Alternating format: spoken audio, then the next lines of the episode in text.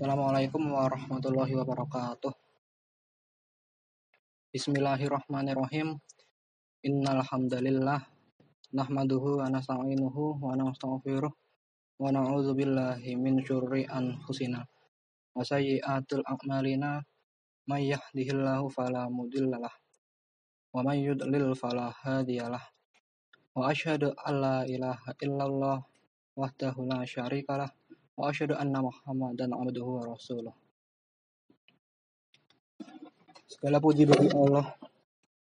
Bersyukur kepada Allah Subhanahu wa taala. Allah masih memberikan kesempatan kepada kita semuanya untuk senantiasa memakmurkan bulan Ramadan dengan berbagai macam bentuk ibadah. Sebelumnya izinkan saya untuk berbagi sedikit ilmu yang saya miliki karena Rasulullah Shallallahu Alaihi Wasallam menganjurkan bagi kita semua untuk menyebarkan ilmu yang bermanfaat. Idza ma tabanu adaman qata'a amaluhu illa min salas shadaqatin jariyah wa ilmiyun tafa'u bih wa waladin sholih yad'ulah. Barang siapa anak Adam yang meninggal dunia, maka terputuslah semua amal ibadahnya kecuali tiga perkara. Yang pertama adalah sodakoh jariah, yang kedua adalah ilmu yang bermanfaat, dan yang ketiga adalah anak soleh yang selalu mendoakannya. Hadis riwayat Ibnu Majah.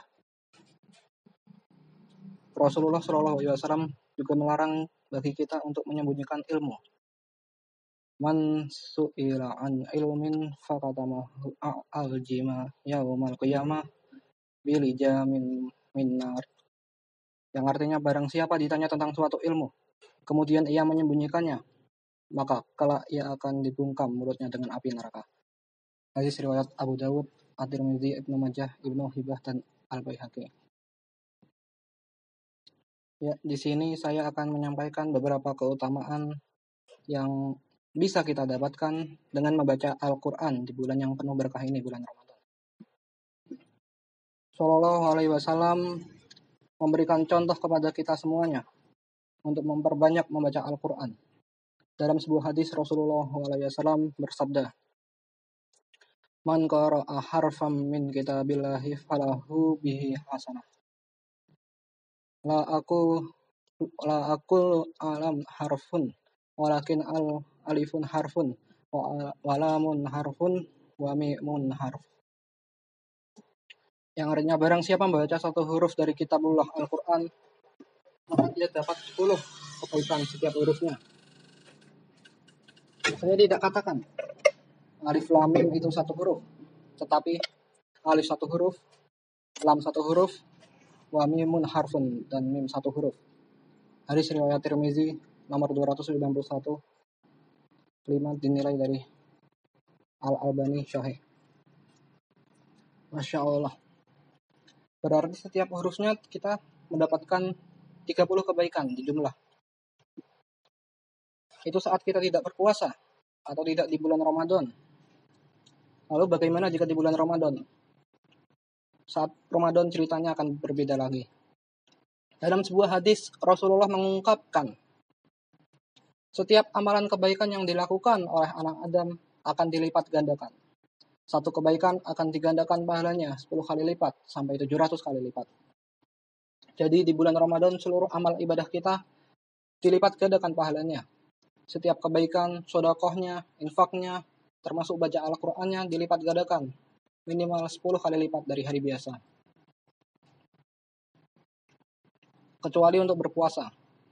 Allah Ta'ala berfirman, kecuali amalan puasa, amalan puasa tersebut adalah untukku. Aku sendiri yang akan membalasnya.